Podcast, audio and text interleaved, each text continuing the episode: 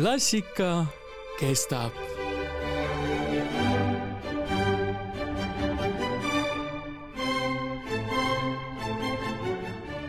tere, hea raadiokuulaja, kõlab saade Klassika kestab ja mina olen saatejuht Tuuli Jukk. aasta lõpus on ikka tavaks heita pilk tagasi möödunud aastale, mõelda möödunule ja loota tulevikule ja nii võiksime teha ka tagasivaate muusika ajaloosse, ammu enne meid kirjutatud suurepärastesse heliteostesse, mis on jäänud kestma läbi sajandite ja mida suure tõenäosusega mängitakse ka tulevikus. üheks selliseks teoseks on Antonio Vivaldi Aastaajad. sellest heliloojast ja tema ühest tähtteosest tänases saates räägimegi ja seda muusikat kuulame Antonia Vivaldist mõeldes ja rääkides peame pöörduma kolmsada aastat tagasi ja mõttes rändama Itaaliasse, Veneetsiasse. nii et managem nüüd oma silme ette Veneetsia laguun, saarestik, tänavate asemel kanalid, paadid ja laevad, elav kaubanduselu Aadria merel, õukonnaelu, parukad, lehvidega kingad voogavad kleidid, rüüžid ja volangid. lihtrahva lihtsad elamised ja teiselt poolt uhked ehitised, näiteks Veneetsia Markuse kirik, selle merevee tõusust ja mõõnast voogavaks uhutud kivipõrand. seesama Markuse kirik, üks Veneetsia tunnusehitisi, viibki meid kokku Antonia Vivaldiga.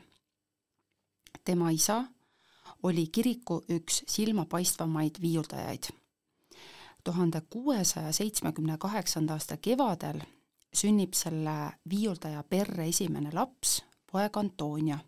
ja tänu isa õpetusele sai nooruke Vivaldi nii korraliku muusiku kui vaimuliku hariduse ning juba noorelt ka vaimuliku pühitsuse. Kuid siiamaani ei teata täpselt, kui tõsine oli ettekääne, et Vivaldi põeb kroonilist haigust, rinnus rõhub ja tänu sellele vabastati ta üsna pea missapidamise igapäevasest kohustusest ja ta sai täielikult pühenduda muusikale. no mõeldes, kui palju ilusat muusikat sündis, võime selle otsuse üle täna vaid tänulikud olla et nüüd mõista tolleaegset muusikakeskkonda, kuhu Vivaldi oli sündinud, peame tegema ühe väikese põike veel rohkem tagasi ja räägime ajast circa sada aastat enne Vivaldit, ehk me oleme nüüd ajaloos seitsmeteistkümnenda sajandi alguses. ja selle ajastu pillimuusika suurimaks sündmuseks oli viiuli esile kerkimine ansambli ja soolopillina. enne see nii polnud. Nüüd hakati viiulile kirjutama väga nõudlikke ja virtuoosseid partiisid. viiulist sai kammeransamblite ja orkestrite peamine meloodiapill musitseeriti salongides, kus mängiti nii-öelda kodust kammermuusikat. orkestreid võis eelkõige kohata õukondades ja nende ülesanne oli mängida vastuvõttudel ja pallidel, aga orkestrid olid ka Lossi kirikus ja õukonnateatris, samuti ooperimajade, teiste teatrite ja suuremate kirikute juures. ja kaheksateistkümnenda sajandi algul, see on nüüd siis juba Vivaldi eluajal, hakkasid tekkima tudengid ja linnakodanike muusikaühingud ning nendegi juurde kuulus enamasti orkester, mis mängis linnasaalides, kohvikutes ja väljakutel. ja mõelgem nüüd ka sellele, et see muusikaelu ei olnud omane mitte ainult Itaaliale ja Veneetsiale, vaid nii oligi see väikeste variatsioonidega omane kogu Euroopale. ja mõtleme nüüd korraks äh, ajaloos äh, meie peale, tõmbame paralleeli Vivaldi eluajaga ja Põltsamaaga, siis sellel ajal siin Põltsamaal lossis ja mõisas olid end sisse seadnud von Laud ja von Lilienfeldid ja päris kindlasti olid ka nende teenistuses muusikud, kes lossis peetavatele sündmustele muusikalise osa andsid.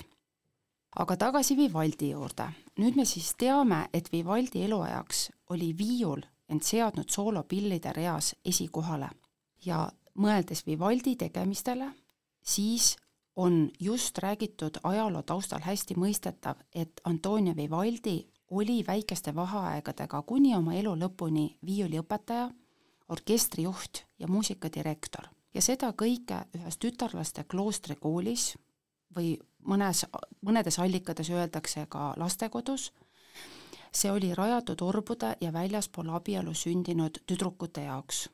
oma õpilastest rajas ta Euroopa ühe säravaima orkestri ja kuigi veel aastakümneid hiljemgi kiidetakse kloostrikooli juures asuva linna parima muusikakooli orkestrit ja tüdrukute koolitatud laulukunsti, elas see kool oma hiilgajad üle Antonio Vivaldi juhtimise all. heliloojana oli Antonio Vivaldi väga-väga produktiivne. Tema umbes neljakümnest loominguaastast on tänaseks tuntud seitsesada seitsekümmend teost, see on väga suur arv kuid mõelgem sellele, et tollel ajal polnud peaaegu üldse nii-öelda klassikalist muusikat. publiku ees kõlasid vaid päris uued teosed ja heliloojad kirjutasid loomingut kindlateks sündmusteks ning konkreetsetele esitajatele. sageli dikteeris see heliloojale meeletu töötempo ja Vivaldi olla isegi kiidelnud, et suudab kontserdi komponeerida kiiremini, kui kopeerija selle orkestri partiideks ümber kirjutab. Antonia Vivaldit peetakse heliloojana erakordselt osavaks sõnaliste ja piltlike kujundite ülekandmisel muusikasse. see kõik oli barokiajastul harilik, nii tegid paljud heliloojad, aga nii elavalt ja nii poeetiliselt, nagu Vivaldi seda oskas, on see vähestel õnnestunud. Aastaajad on kirjutatud tuhande seitsmesaja kahekümne neljandal aastal. seega väike arvutus näitab, et paari aasta pärast saab teos kolmesaja aastaseks. aastaajad, see on neli viiulikontserti, millest iga kontsert kujutab ühte aastaaega. iga kontsert omakorda koosneb kolmest osast, nagu traditsiooniline kontserdivorm ette näeb, kõigepealt on kiire osa, siis on aeglane ja kolmas jällegi kiire osa. viiulikontserdis on viiulil soleeriv roll ja orkester on solistile saatjaks ja partneriks orkestris mängivad viiulid, vioolad, tšellod, kontrabassid ja klavessiin. kontsertide aluseks on neli sonetti ja kuna nende poeetilistes kujundites on selgelt arvestatud sobivust kontserdiosade tempojärgnevusega, siis arvatakse, et need sonetid on loonud Vivaldi ise. sonettide eredamad kujundid on partituuri lausa tekstina sisse kirjutatud ja paljudele annab Vivaldi väga konkreetsed muusikalised vasted ja toome nüüd siinkohal mõned näited, et äh, viia kokku siis sõna ja muusika ühtsus. näiteks Vivaldi Kevade teine osa on aeglane osa ja selles kõlavad luuleread. õrn lehesahin kõrvus, kitsekarjus on tukkumas kesk õitsvaid aasalilli.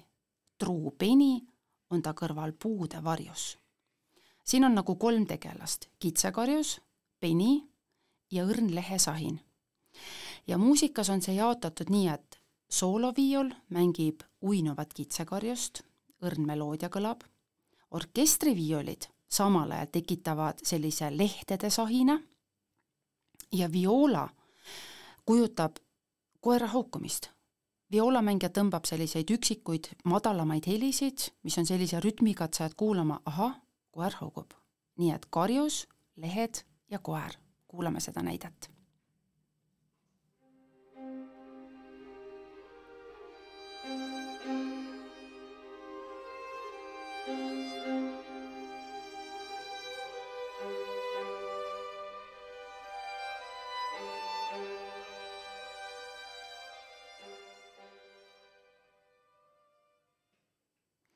toon teise näite veel.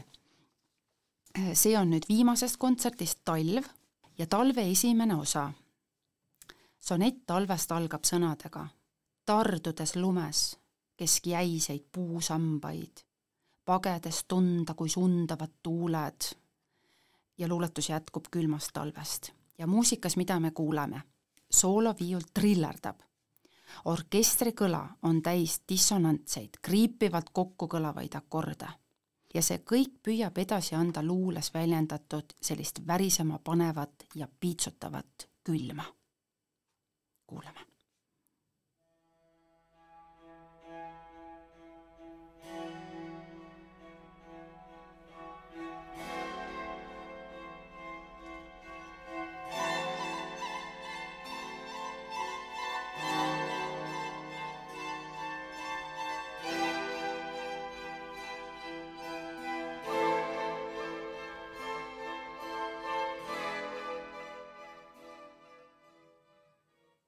ja nii edasi, kogu teos on väga kujundlik ja seeläbi on ta ka lihtsasti mõistetav ja meeldejääv ja mõnus kuulata. kujutatakse linnulaulu, kuuma päikese käes olemise roidumust, tormi ja äikest, sügisandide rohkust, pidu ja jahti, kaminapaiste soojust ja nii edasi ja nii edasi, looduspilte ja inimese elu selle keskel.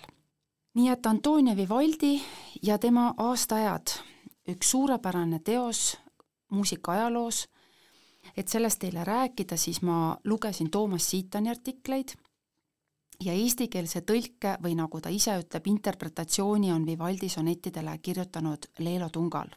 et meil oleks veidi lihtsam jälgida seost luule ja muusika vahel, siis ma loen iga kontserdi ette selleks kirjutatud soneti. tõsi on ka see, et nii populaarsest teosest on sadu erinevaid esitusi, seadeid ja variatsioone ja meie kuulame üht heas mõttes väga klassikalist ettekannet Eesti interpreetidelt, kus Antonio Vivaldi aastaaegu mängib Tallinna barokkorkester ja solist on er-, Elar Kuiv barokkviiulil ning see lindistus on tehtud tuhande üheksasaja üheksakümne kuuendal aastal. head kuulamist meile, Antonio Vivaldi aastaajad. esimene kontsert, Kevad et pidulikult kätte jõudis kevad, sa seda rõõmsast linnulaulust kuuled. ta saabumisest ojad vulisevad ja üha malbemaks on saanud läänetuuled. ta auks on pilvist sähvatamas nooled ning kõueprahvatused mürisevad, kui lõpepäike selge taeva poole, siis linnulaulud jälle helisevad. õrn lehesahin kõrvus kitsekarjus on tukkumas kes kõitsvaid aasalilli. truu peni on ta kõrval puude varjus. ja siis, kui karjane seab suule vilepilli, on lamburid ja nümfid õnnest purjus ning alustavad oma kevadtralli trilli.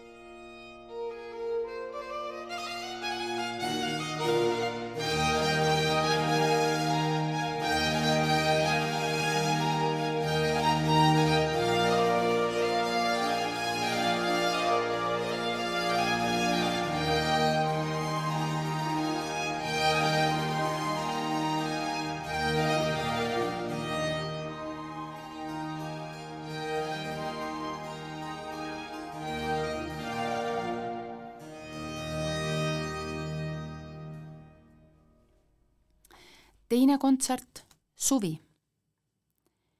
inimlaps piinleb, kui kõrvetab päike. piinija kõrbeb ja janus on kari. kägu vaid kukub, on kordamas kõike uhakalinnu ja turtel tuikõri äkki on paisumas tuulehoog väike, temast saab põhjatuul, võidukas kuri. nutab nüüd karjus, sest tumedaid laike peidab nii saatus kui tormide turi. karjus on hirmunud kõusid karme kuuldes, ta välkude kartmisest väsis, pea kohal tiirlemas kärbseid ja parme. täitus see kartus, mis hinge tal räsis kõuepilv rahega raputas nurme, maisi ja viljapuid rappis ja sasis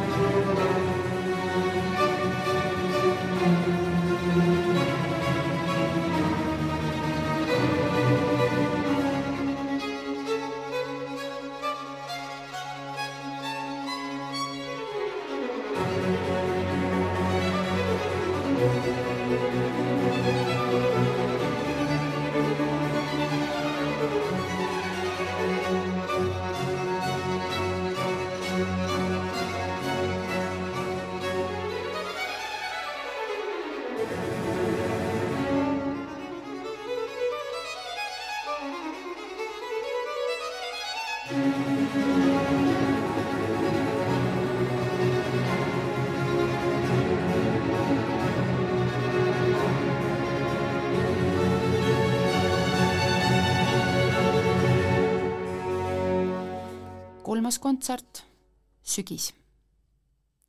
lauldes ja tantsides ikka ja üha lõpetab põld talumees lõikuse päevad. nektarist joobudes pakkuse pühal mõnedki peekerpeos und juba näevad. lõppeda lõbu ja laulud ei taha. pikalt nüüd paljudki peolauda jäävad. ühtviisi rahul on süda ja keha, naudinguid pakuvad sügisepäevad. Koidikul kütt võtab püssi ja sarve, tõtates koertega metsade taha. metsloom, kuid peljates ründavat parve, püssi ja koeri, ei tea, mida teha. hirm võtab pagemistahte ja tarve. maha siis langeb ta elutu keha.